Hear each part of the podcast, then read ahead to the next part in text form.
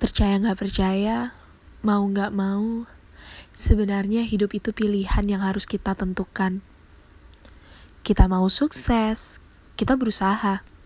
Kita mau hancur, hiduplah dengan sia-sia.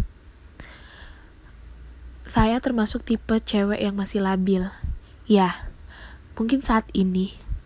Tapi saya berharap beberapa tahun yang datang, saya bisa menentukan inilah hidup saya. Inilah pilihan saya. Saya mau sukses. Saya mau buat bapak ibu bangga. Ya, saya harus bisa.